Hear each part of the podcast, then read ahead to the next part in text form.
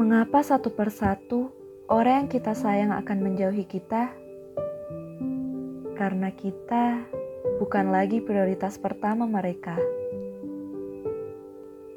Kata orang, semakin kamu bertumbuh, kamu akan semakin kesepian.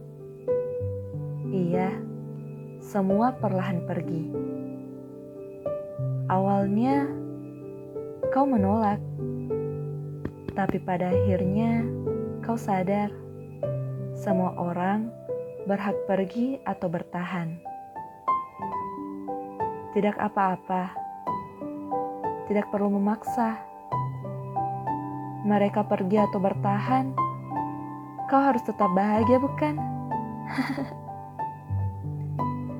Ini bukan soal kuantitas, tapi ini adalah masalah kualitas.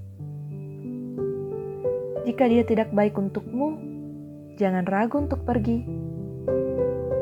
Jangan ragu untuk menyayangi diri sendiri. Ini bukan perihal mementingkan ego. Kamu punya hak. Iya, hak untuk bahagia. Hidup tanpa tekanan dari siapa pun. Jika teman yang kau harap akan bertahan selamanya namun memilih pergi meninggalkanmu, maka ketahuilah Tuhan memperlihatkan siapa dia yang sebenarnya. Sosok dia yang belum kamu ketahui. Tuhan menyayangimu walau harus memisahkan kalian. Karena dia tahu apa yang terbaik untuk kalian.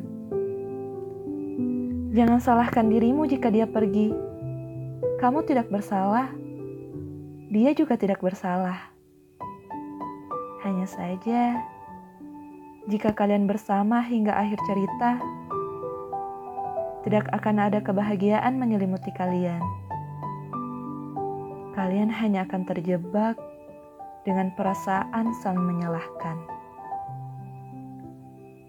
Pisah, iya, itu adalah jalan yang terbaik. Tapi jangan lupa saling mendoakan.